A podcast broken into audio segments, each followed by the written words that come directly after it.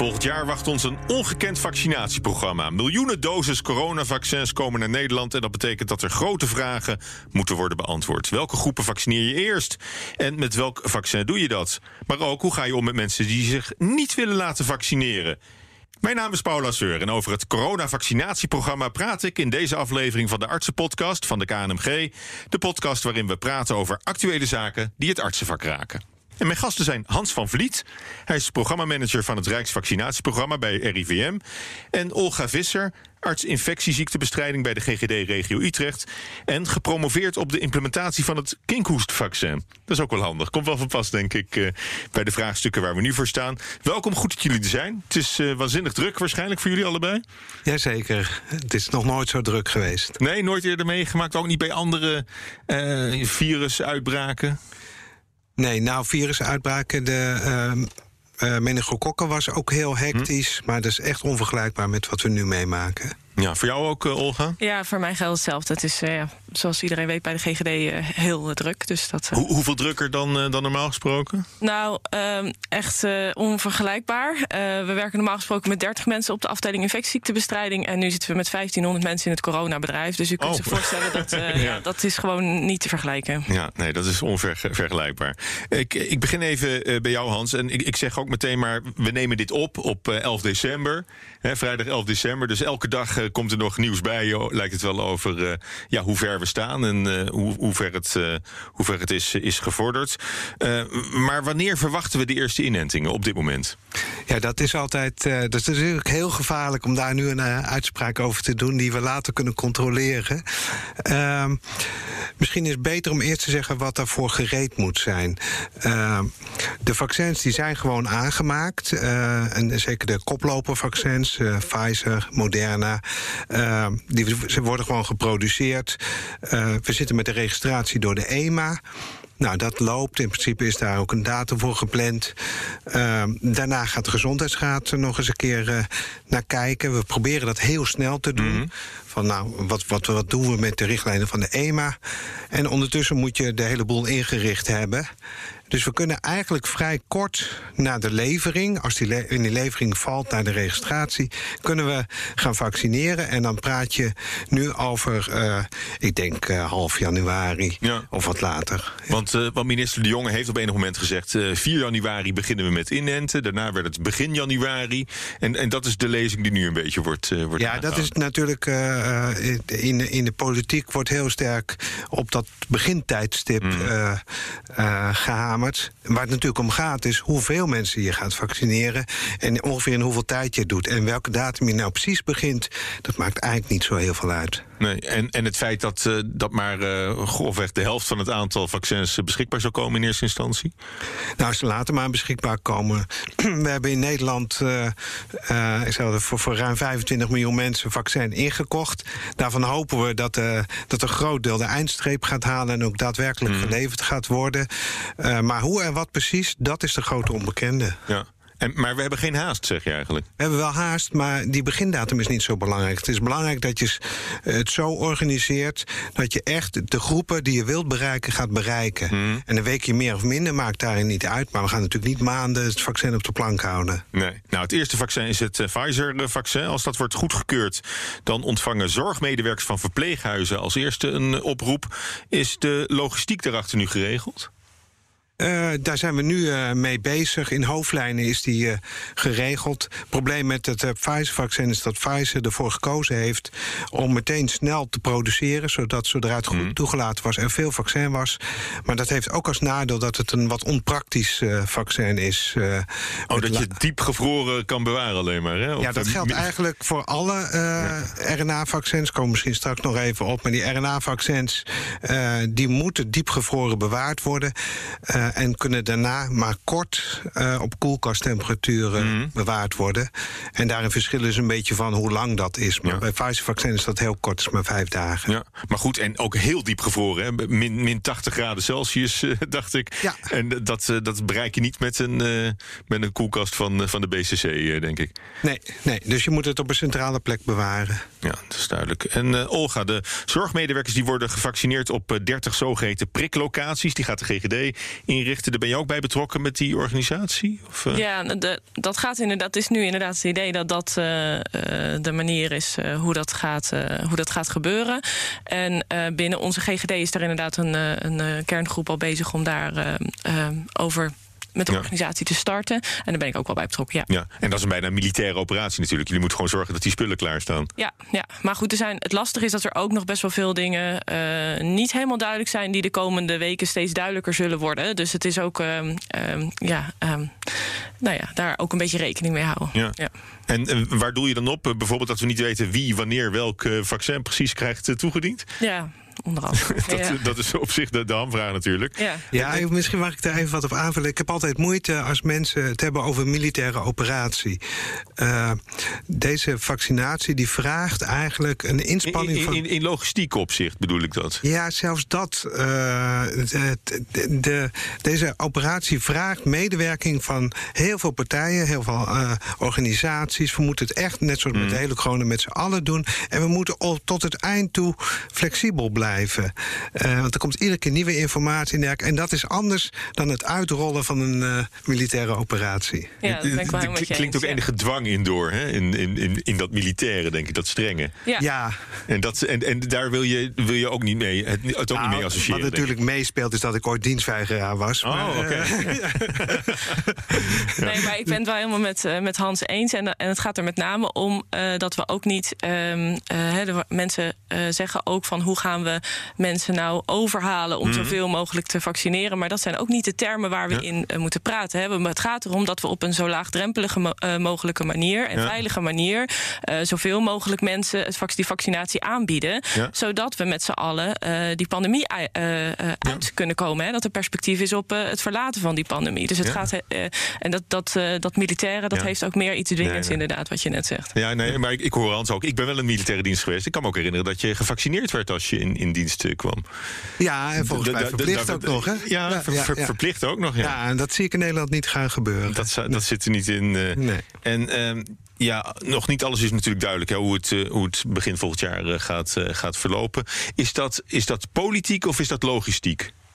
Uh, logistiek vooral.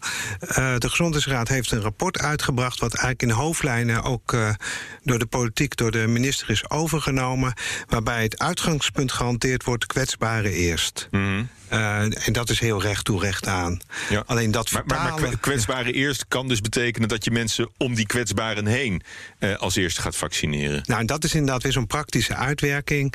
Uh, dan zit je met dat Pfizer-vaccin, wat heel moeilijk in de verpleeghuizen toepasbaar is. Mm. Als dan even later een vaccin komt waarmee je een veel groter bereik kunt krijgen in die verpleeghuizen, ja, dan wacht je daar even een paar weken op. Maar in principe is het uitgangspunt steeds de kwetsbare eerst. En dat heeft. Uh, ja, de belangrijke reden daarvoor is dat het vaccin beschermt tegen ziekte. Daar wordt het op onderzocht. Mm -hmm. We weten nog niet wat het gaat doen op de verspreiding. Ja. Uh, er zijn allerlei ideeën over van ja, je moet de jongeren eerst vaccineren, want dan kun je de verspreiding terugdringen. Nou, één duurt dat langer als je die, die strategie toepast. Ja. Maar tweede is ook, we weten gewoon niet of het vaccin dat gaat doen. Nee. En ondertussen, ja, iedereen kan in de krant lezen: 40, 50 doden per, per dag. Uh, ja, dat, je kunt niet gaan zitten wachten en zeggen van nou, we experimenteren even wat. Ja, en eh, je, je wil natuurlijk bewoners van, van zorginstellingen het liefst in hun eigen woonomgeving uh, helpen. En, uh, maar, maar zorgmedewerkers die kunnen natuurlijk wel naar een van die, van die 30 priklocaties van de GGD komen. Dat speelt ook inderdaad mee in de keuze nu om hm. hen dan als eerste aan bod te laten komen. Hm. Ja. ja. de Zorgvakbond nu 91 die heeft een peiling laten uitvoeren. Want, want zorgmedewerkers zijn daarmee vallen in de eerste groep die gevaccineerd gaat gaat, eh, gaat worden daarom. Um, een derde wil zich niet laten vaccineren. Een derde wil dat wel. En een derde twijfelt. Dus ik, ik weet niet of die, of die verhoudingen nog altijd kloppen. Maar dat kwam in ieder geval naar voren uit die peiling van, van nu 91. Hoe, hoe, kijk jij naar die cijfers, Olga? Nou, en, die, nou- en, die, bereidheid onder zorgmedewerkers? Er zijn verschillende peilingen in het nieuws geweest de afgelopen week. ik denk wat belangrijk is om te zeggen, als we en het RIVM doet bij de gedragsunit doen ook peilingen en, en onderzoek. En onder andere in de vorige peiling zat ook vaccinatieacceptatie erin. en daaruit bleek eigenlijk dat de, de, de meeste mensen, of meer dan de helft van de mensen, sowieso zouden zeggen: ja, dat zou ik zo doen. En belangrijk was daar ook uit dat er een percentage mensen was die zeggen: ik twijfel daar nog over. en dat is natuurlijk iets wat we wat heel erg logisch is en wat mhm. Begrijpen is als er iets nieuws is, dat je daar dan uh, over nadenkt en dat je daar dan uh, over twijfelt. Uh, dus ik maar, denk maar dat heb je er vertrouwen in dat dat met, met, met de juiste communicatie en met transparantie te, te ik zeg maar, verhelpen is voor een deel? Nou, ik denk dat we ons moeten realiseren dat die, het, dat die twijfel dus heel, heel logisch is. Mhm. En daar moeten we dus ook um, mensen bij helpen om uiteindelijk wel die keuze te kunnen maken. Mm -hmm. en erop insteken dat mensen zich ook goed voelen bij die keuze. En dat dat we ze niet uh, uh, dwingen om ergens naartoe te gaan waar ze niet heen willen. Want daar heb je echt later mhm. alleen maar last van.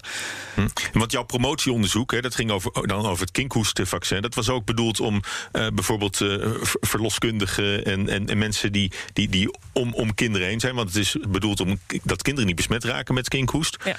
Daar zag je misschien diezelfde, diezelfde cijfers wel ongeveer. Ja, nou wat we, wat we daar vooral ook in zagen is mensen die zich in eerdere instantie door hun werkgever best wel gedwongen hadden gevoeld om bijvoorbeeld ten tijde van de Mexicaanse griep wel die vaccinatie te accepteren. Dat die op een hele andere hmm. manier naar elke volgende vaccinatie uh, keken. Uh, dus dat is denk ik ook wel wat we hier mee kunnen nemen. Dat als wij nu uh, heel erg dwingend gaan zeggen: mensen, je moet je laten vaccineren. En daar dan zulke consequenties aan verbinden dat ze zich gedwongen voelen. Ja, dan daar heb je later alleen maar last van. Dus ik zou daarvan willen zeggen: laten we dat niet doen met elkaar. Dus, dus dat is het, is, het is geen militaire operatie, maar je moet ook niet proberen om mensen over te halen. Nee. Of, nee. Nou, laten we het er vooral over hebben wat we, waarom het zo belangrijk is met elkaar. Mhm. En ik denk dat uh, mensen spreken dan vaak over, over risico's. Uh, risico's van corona, risico van, uh, risico's van vaccinatie deze die ze tegen elkaar afwegen. Mhm. Maar er zijn heel veel mensen of heel veel um, redenen om een, deze vaccinatie heel graag te willen. Vergeleken, zeker vergeleken met allerlei mhm. andere vaccinaties in het verleden. We zien allemaal heel concreet dat er mensen elke dag overlijden aan corona. We zien dat er heel veel mensen in het ziekenhuis liggen uh, uh, door corona. Uh, we zien hoe het, wat voor impact het heeft op de, op de maatschappij en op de samenleving, hoe alles op slot zit. Dus als zo'n vaccinatie daar een uitweg voor is, denk ik dat we dat er heel veel redenen zijn voor mensen om, om tegen deze vaccinatie heel anders aan te kijken. Ja, ja. daar zou je mee eens zijn, uh, Hans. Ja, ik zeg altijd, een, uh, een goed vaccin verkoopt zichzelf. Het enige wat wij met communicatie kunnen doen, is dat laten zien. Uh, maar als het een goed vaccin is, dan zul je zien dat de ziekenhuisopnames, sterfte en, en alle andere dingen afnemen. Mm -hmm. Als het een slecht vaccin is, dan helpt communicatie ook niet. Ja. maar goed, daar, daar, zullen we straks nog verder over praten. Want maar dan heb je het er ook over. Dit vaccin is wel heel snel ontwikkeld natuurlijk. En mensen zeggen, normaal doe je daar 10, 20 jaar over om een goed vaccin te ontwikkelen. En nu hebben ze het in een jaar, uh, ja, ja. uit het laboratorium uh, ja, daar zijn, geramd. Er zijn twee verklaringen voor. Eén is dat er heel veel samengewerkt is. Uh, ook industrieën hebben gewoon uh, ja, open kaart gespeeld met elkaar... zijn samenwerkingen aangegaan met universiteiten en dergelijke. Dat heeft versnellend gewerkt. En de andere heel belangrijke factor is geld. Er is heel veel geld ingepompt, waardoor allerlei risico's... Ja, Dolly Parton, hè? Ook, Onder meer. ja, ja, ja. en Bill Gates. Ja. Overigens is de EU een van de belangrijkste financiers uh, geweest, naast de Verenigde Staten. Maar dat hele vele geld maakte dat ja, eigenlijk de normaal wachten industrie altijd af als ze fase 1 studie gedaan hebben. Kijk eens wat er uitkomt. Gaan ze eens even nadenken van nou, wat is het risico? Welke kiezen we? Waar gokken we op? En dan gaan ze pas de volgende studie opzetten. Nou, dat is allemaal in elkaar geschoven.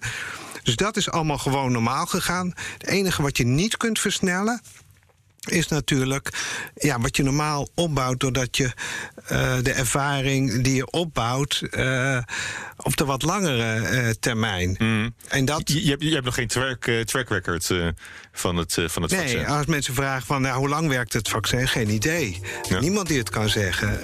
maar het, het, zal allemaal goed worden, worden gevolgd. Ik denk dat het in die zin ook ja, een, geweldig... Ja, nee, nee, nee, ik zeg ongetwijfeld, het is gewoon zo. Ja, dat, dat gaan we zien. Straks praat ik verder met Hans van Vliet en Olga Visser. En dan gaan we ook verder praten over hoe je als arts om kunt gaan met skepsis. Maar eerst is het tijd voor onze vaste gast, tuchtrechter Jeroen Recour. Hartelijk welkom, Jeroen. Dankjewel, Paul. Goed dat je er bent. En heb je een zaak kunnen vinden die te maken heeft met een massale vaccinatiecampagne? Nou, dat dan weer niet.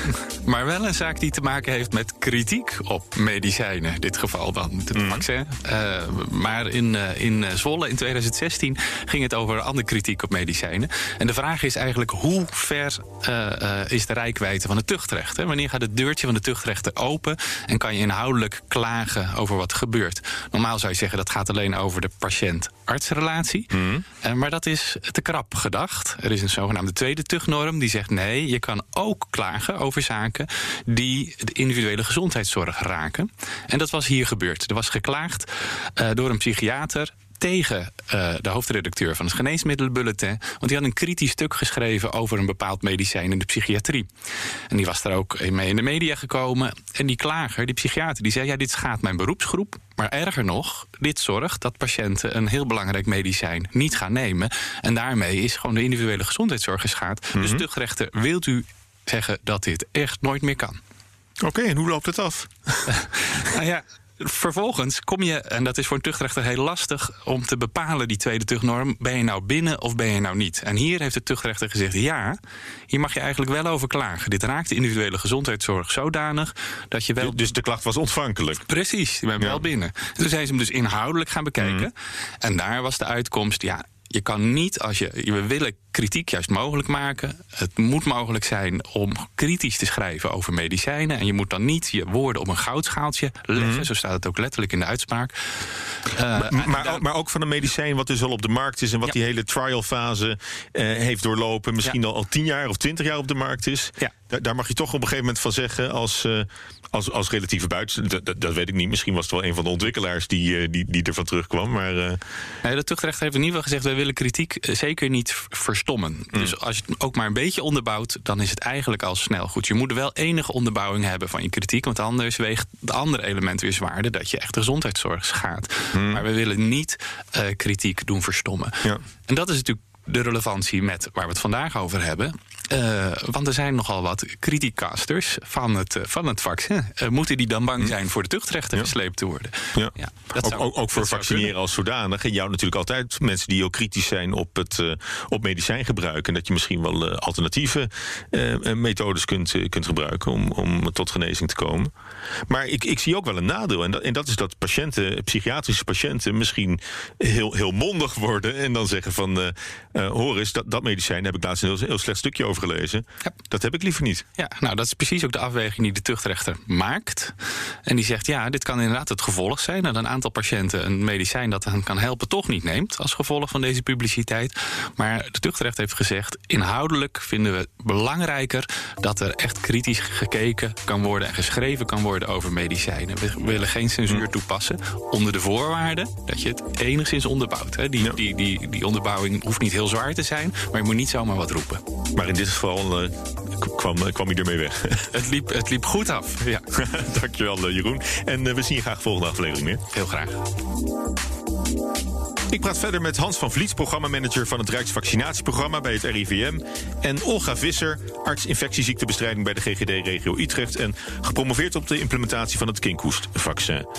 Eerst maar uh, die column van uh, Jeroen zojuist, uh, Hans. wat, wat zeg je daarop? Ja, dat uh, transparantie, uh, dat dat je het, je het verste brengt. En ook wel weer uh, de term kritisch. Daar, daar heb ik ook altijd wat moeite mee. Dat mensen die tegen zijn, die worden kritisch genoemd. En mensen die voor iets zijn, niet. Terwijl ik denk, je kunt heel goed kritisch zijn en voor iets zijn. Ah, oké. Okay. Dat is een goed punt. En jij, Olga? Ja, nou, het deed me ook inderdaad denken uh, uh, vooral aan um, uh, wat bij vaccinatie natuurlijk heel erg speelt, is dat mensen heel veel informatie zoeken overal. Hè? Dat is wat jij net, mm. net eigenlijk ook zei. Um, en dat, het, dat je dan heel erg moet uitkijken in, door welke bomen je het bos niet meer ziet mm -hmm. en, en waar je dan op afgaat. Dus ik denk ook dat het vooral um, heel belangrijk is dat, dat artsen dus zo'n verstandhouding hebben met hun patiënten, ja. dat ze heel goed kunnen uitleggen waarom iets een goed idee is en waarom niet. en nou ja, dat het dus niet helemaal de weg is om dat nou het, het, de negatieve geluiden dan maar weg te nemen of zo. Dat, dat, dat, is, gewoon, ja, dat is gewoon ook niet meer realiteit. Ja, maar je krijgt ook echt, echt hele felle tegenstanders die, die elkaar dan vinden en in echo chambers terechtkomen waarin ze niet anders horen dan dat je autistisch wordt van vaccins of, of dat het andere schadelijke gevolgen heeft. Nooit aangetoond. Ja, nou dat is heel gevaarlijk. In die zin dat dat dus overal te lezen is en dat die, die, die, die situaties inderdaad op internet in een soort mm. nou ja, echo chambers, wat jij zegt, elkaar alleen maar versterken. Maar ik denk dat we dat alleen maar kunnen doorbreken door, nou ja, wat ik net zei, dat mensen die twijfels hebben, dat ze terecht kunnen bij iemand die ze vertrouwen. Ehm, en dat ze daar gehoord worden in hun twijfels. Want het zijn de meeste mensen die. Nou, het, het zijn legitieme twijfels, denk ik. Nou, ik, ik denk niet dat legitieme twijfels per se zijn, maar ik denk dat het legitieme zorgen zijn die mensen mm. hebben. Hè. Mensen maken zich zorgen om hun eigen gezondheid. En dat is heel legitiem. Daar moeten we ook gewoon, uh, bij die zorgen moeten we stilstaan. Um, en nou ja, dan heb ik het weer even over vaccinatie. en niet over, daar, daar, weet ik iets meer van dan over uh, antipsychotica. um, dus die zorgen die mensen hebben, daar moeten we gewoon bij stilstaan. Uh, maar er zijn nog heel veel andere uh, uh, dingen waar we zorgen die mensen hebben, behalve over hun eigen gezondheid. waar het belangrijk is dan om stil bij te staan. En waar je mm. in een gesprek met die mensen, die mensen ook aan kan spiegelen. Van welke andere dingen zijn dan voor jou belangrijk? Contact met je familie in dit geval, contact met ouderen, met ja. het open van de, maar, openen van de samenleving. Maar mensen hebben ook de neiging om zich een beetje in te graven en zich te verschansen achter, achter dit soort stellingen, volgens mij. Ja, dat, weet niet, ik niet iedereen. Ik, ik weet niet hoeveel, hoeveel, hoeveel redelijkheid uh, nog, nog kan doen en transparantie. Nou, ik denk dat, ik denk dat wat je zegt, uh, dat het klopt voor een heel klein percentage van de mensen. Mm. Voor wie het een soort identiteit is geworden om. Ja. Um, um, uh, nou ja, en die noemen zichzelf dan kritisch. En ik ben het helemaal met Hans, Hans eens mm. dat ik dat echt een, een, een, vervelend woord vind in deze context. Nee, maar ik zag, ik zag ook in de Telegrafenkop vandaag prikplicht op vakantie. Dus, dus dat je als je, als je naar, uh, naar het buitenland wil, dat je dan uh, toch gevaccineerd moet zijn. Maar dat is weer um, dat is een, een manier van, van framen, wat eigenlijk niet de discussie recht doet, vind ik. Nee. nee, ik zou daar eigenlijk op aan willen vullen van. En dat is denk ik ook de, de rol van artsen in dit geheel. Is we moeten steeds voor ogen houden waarom vaccineer je. En natuurlijk zitten mm er er zitten bijwerkingen aan, er zitten onbekendheden aan, uh, er zitten gekke discussies uh, over inderdaad van uh, paspoorten en dat soort dingen. Maar dat, mm de kern is van er is een ziekte en daar, daar wil je iets aan doen. Maar goed, we proberen ook te, te leren van, van, van het eh, verleden. En de Mexicaanse griep hebben we het al eerder over gehad. En dat zorgmedewerkers toen uh, ja, zich, zich gedwongen hebben gevoeld om, om zich te laten inenten. Daar achteraf niet zo tevreden over waren. Dat is toch iets waar je nu eh, van kan leren, nu bij, de, bij het coronavaccinatieprogramma. Ja, ja, dat denk ik wel. En ik denk ook dat, maar ik denk ook dat we dan vooral moeten neerzetten, eigenlijk in aansluiting op wat Hans net zegt, dat we in dit geval echt een hele uitzondering situatie hebben die we nog niet eerder hebben meegemaakt. Hmm. Waarbij uh, het vaccinatie eigenlijk um, op dit moment de enige echte uitweg is uit deze. Um, Impasse. Ja, ja gijzeling door het coronavirus, zou ik bijna willen zeggen. Um, en, onverlet dat alle andere maatregelen nu nog uh, enorm belangrijk zijn. Want zo proberen we het virus uh, op dit moment zoveel mogelijk in te dammen. Maar een echte uitweg, ja, daar, ja. daar is toch wel onze hoop op vaccinatie gevestigd. Ja. Ja, en er zijn eigenlijk vier redenen eh, waarom zorgmedewerkers uh, uh, ja, vaccinatie krijgen aangeboden en zich er ook goed over moeten beraden. De eerste is dat ze zelf risico lopen. zorgmedewerkers worden mhm. meer besmet dan anderen, hoewel dat in Nederland gelukkig niet zo erg is als in veel andere landen. Tweede is dat ze kunnen anderen besmetten. Dat weten we natuurlijk nog niet helemaal precies over de vaccins, maar het lijkt wel aannemelijk dat ze daar iets op gaan doen. Het derde is, is dat eh, de zorg enorm onder druk staat door de corona. Dus alle verzuim, uh, al is het maar uh, in afwachting van een testuitslag, uh, ja, heeft gevolgen voor de zorg. En de laatste is dus eigenlijk dat je een, als zorgmedewerker een rolmodel ook bent voor anderen. Ja, is, en die voorbeeldfunctie, is, is die belangrijk? Ja, heel belangrijk. Uh, iedereen kent wel een verpleegkundige of een arts. Uh, nou, iedereen is overdreven, maar veel mensen kennen via via wel een arts of verpleegkundige in een familiekennissenkring. Of, uh, en, en er vinden heel veel gesprekken plaats. En dan is het toch van: wat vind jij ervan? Wat doe jij? Mhm. En uh, dat is eigenlijk, denk ik, meer bepalend voor wat je doet dan wat je in de krant leest of op Ja. internet. Nou goed, bij- bij artsen is eh, op zich bemoedigend. Het blijkt uit een peiling van KNMG dat eh, bijna 90% zich wel wil laten vaccineren. Een klein deel twijfelt, een klein weet het nog niet. Dat zijn toch cijfers die dan hoopvol stemmen, denk ik. Ja, er is altijd hoop hoor. Ja. Eh, maar eh, nee, belangrijkste dat straal je ook wel uit hoor. Ja, maar belangrijk- Hier staat geen sombere man. Nee, maar het belangrijkste is denk ik de basishouding die je hebt. Van goh, nee, dat, vaccinatie lijkt me iets, iets goeds. Misschien dat je het zegt van ja, ik weet het allemaal nog niet precies. Of ik heb wat vragen. Nou, leg die vooral neer eh, bij, bij de RIVM. want wij zullen heel veel gaan doen om de vraag voor zover mogelijk te beantwoorden. Maar dat je allerlei dingen niet weet en dergelijke. Eh, dat hoeft niet te betekenen dat je er negatief tegenover staat. En Olga, wel- welke rol zie jij voor jezelf als arts in, in deze? Uh, rolmodel, voorlichter? Of, of vind je dat niet helemaal jouw, eh, jouw taak? Oh, nee, ja, ik, Of ik, jij- ik jij bedoelt eigenlijk nog wat natuurlijk ook de- aanvullen op wat Hans net zei. Eigenlijk de rol van artsen in het algemeen. Want ik denk dat we nu eh, eh, zullen zien dat ehm, eh, het, het heel belangrijk gaat zijn... dat het gesprek over die vaccinatie, ook al weten we nog niet alles... eh, wel alvast gaat plaatsvinden. En ik denk eigenlijk dat artsen dan een belangrijke rol hebben... in hun praktijk, in hun ziekenhuis of in hun... eh, nou ja, en in hun privéomgeving, wat Hans net, net zei. Om daar dan ook eh, die rol te kunnen nemen en vooral te kunnen ehm, eh, benadrukken ehm, eh, ja, wat, we, wat we dan nu al wel weten. Ja. Ehm, en ook te luisteren naar de zorgen die er dan zijn. En die dan ook in een perspectief te zetten. De risico's die eraan zitten, die, daar hebben we oog voor. Maar die lijken heel erg klein te zijn. En ja, die zitten dan in, vooral in het perspectief van alle andere risico's die er zijn. En, de voordelen die je ervan kan hebben. Eh, ja, dus mensen moeten daarin wel eh, het gevoel hebben dat hun zorgen gehoord zijn. En dat ze eh, daarin echt hun eigen keuze kunnen maken. Maar als het gesprek niet plaatsvindt, dan eh, wordt dat heel ingewikkeld. En ik denk dat wij als artsen daar wel een rol in kunnen hebben om dat gesprek te laten plaatsvinden. Nou ja, artsen krijgen natuurlijk sowieso heel veel vragen van, eh, van hun eh, patiënten. Denk ik ook de huisarts, die zal er veel mee te maken krijgen. Heeft het RIVM, eh, Hans, heeft, heeft daar, daar een soort programma voor om, om artsen bij te praten? Of een draaiboek? Of, eh, Ja, daar zijn we mee bezig. Eh, de, de rolverdeling is zo dat het ministerie richt zich op eh, met de communicatie op het algemene publiek. Het RIVM eh, doet het richting de professionals.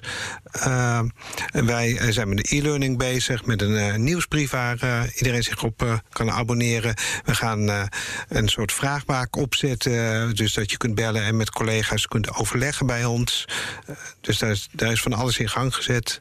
Wat je natuurlijk ook krijgt straks, hè, als straks miljoenen mensen gevaccineerd worden, eh, het, het, het, het leven gaat ook gewoon door. Mensen worden ook gewoon weer ziek. Dus dat, dat, dat wordt. Misschien wordt er wel een verband gelegd eh, door mensen als ze zeggen van nou, ik, ik, ik, eh, hoe, hoe ben ik ziek geworden? Nou, ik ben een half jaar geleden gevaccineerd. Nou, misschien kun je wel weglaten, dat, Dat zal zeker zeker gebeuren. gebeuren, ja. Dat gaat gebeuren. Is dat ook de ervaring van eerdere eh, van dit soort operaties? Ja, en dat is ook. eh, eh, ja, dat bedoelde ik met van dat eh, kritisch zijn. Kijk, Ja, als je correlatie, denkt- causaliteit. Ja, het, is, ja. het, is, het is toch een vraag Ja, die. en, en daar wordt dus van alles op nu voorbereid ook. Dat je, één, moeten dat soort dingen gemeld worden. Als daar dingen frequenter voorkomen, moeten er studies op gedaan worden. Dat wordt allemaal nu groots opgetuigd. Ook internationaal, om dat te kunnen doen. Want dat kan inderdaad wel echt iets zijn. En het zal in veel gevallen zal het Hm. niet iets zijn wat de houdt. Maar we moeten daar eh, open mind voor houden. Maar is, is dat goed te, te tracken, zeg maar, wat die vaccinaties ga- gaan doen met mensen? Als je zoveel mensen eigenlijk tegelijk moet, eh, moet vaccineren, kun je dan, dan nog wel eh, zorgvuldig bijhouden eh, ja, wie wat krijgt en, en, en hoe lang geleden? En dat is ook gewoon een, enorm. eh, ja, Nou, het registratievraagstuk is een vraagstuk op zich. en dat is ook een van de dingen waar Hmm. het RIVM zich heel druk over maakt. En dat is natuurlijk heel erg belangrijk. Want we moeten dus inderdaad heel goed weten wanneer mensen gevaccineerd zijn. En dat is nodig voor alle studies die daarna moeten gaan plaatsvinden. Hmm. Maar hiervoor denk ik ook trouwens dat het een belangrijke rol, dat artsen hier ook een belangrijke rol in hebben. Hè? Ook in de communicatie met hun patiënten. Hmm. Dat je altijd, en mensen, mensen krijgen het hele jaar door kunnen ze een uitslag van een vervelende ziekte krijgen of mm. ouderen overlijden. en als dat dan net is een week nadat je een COVID-vaccinatie hebt gekregen, ja, dan, dan zullen, zullen er mensen zijn die relaties leggen. Dat gaat gewoon gebeuren. Ja. En ik denk ook dat wij als artsen dan ook in de praktijk moet, daar alert op moeten zijn. Ten eerste dat we het melden, want dat, moet gewoon, dat is belangrijk mm. voor het in de gaten houden. En de studies waar Hans het net over had. Maar ten tweede dat we ook aan mensen kunnen uitleggen dat, een, uh, iets, dat iets na, in de tijd na een vaccinatie gebeurt, is niet betekent dat het door de vaccinatie komt. Ja. En uh, natuurlijk dat we daar alert op moeten zijn. Maar um, ja, de, die, dat verband is er zeker niet altijd. Ja. We moeten natuurlijk vooruitkijken en, en, en we weten niet precies hoe het, hoe het gaat, gaat, gaat verlopen allemaal. En in, in welke. maar, je, maar je moet gewoon, gewoon beginnen, want anders, anders krijg je het sowieso niet voor, voor elkaar. Ehm, wagen jullie al aan een voorspelling voor het moment wanneer genoeg mensen gevaccineerd zijn om de samenleving weer open te gooien? Nee. Uh, en eerlijk gezegd. Uh, of is dat niet zo'n relevante vraag? Dat is wel een relevante vraag, maar uh, één, weten we het niet. En twee, denk ik dat we het ook niet helemaal in de hand hebben. Uh, ja, het OMT zal adviezen gaan geven over van nou, nu kan dit weer en dat weer mhm. misschien. Maar of dat mensen zich daar ook echt aan gaan houden, ik heb daar uh, zelf heel veel vragen mhm. over. ja. Nou, het, het, ik denk wat je vooral ook bedoelt is dat, dat het niet alleen maar van de vaccinatie afhangt, maar ook van heel veel ander gedrag van mensen. En dat we daar, uh, ja, daar kunnen we heel moeilijk voorspellen hoe dat gaat lopen de komende, komende periode. Dus we, we, moeten, we kunnen dat ook niet alleen maar van die, van die kant bekijken. Ja, helaas. Dat, dat blijft dus nog even. zeggen. nee, blijft nog even onzeker. En ja, nou, wat hoopvol is, uh, is wel dat zeg maar, de, in de eerste vaccins die er nu komen, uh, die, die lijken beter te werken dan dat we uh, van tevoren dachten. En tot nu toe ook de snelheid waarmee vaccins ontwikkeld worden. Ja, je kunt daar vraagtekens bij zetten, maar je, het is ook heel bijzonder dat dat gelukt is. Dus er zitten ook een aantal dingen die gewoon de goede kant op werken. Uh, ja, wat we moeten gaan afwachten is hoe goed werken die vaccins op de verspreiding. Zullen we waarschijnlijk ook wel met een paar maanden uh, wat zicht op gaan krijgen. Dus dat is ook, een, uh, dat is ook een, een, mooi vooruitzicht, denk ik. Dat we het langzaam maar zeker een beetje kunnen, kunnen gaan, gaan controleren. Ja, we zitten op de weg eruit. Maar alleen hoe lang die weg zou zijn en langs welke kronkelwegen, dat weten we nog niet. Nou, daar wil ik het graag mee afsluiten. Dankjewel uh, ook voor jullie komst naar de studio. Hans van Vliet hoorde u als laatste programmamanager van het Rijksvaccinatieprogramma bij het RIVM. En Olga Visser arts infectieziektebestrijding bij de GGD Regio Utrecht. Dit was de artsenpodcast van de KNMG. Mijn naam is Paula Seur, dank voor het luisteren. En wil je nu geen aflevering missen? Abonneer je dan op deze podcast. Dit was de laatste aflevering van dit jaar. Maar geen zorgen, we komen ook weer bij je terug in 2021.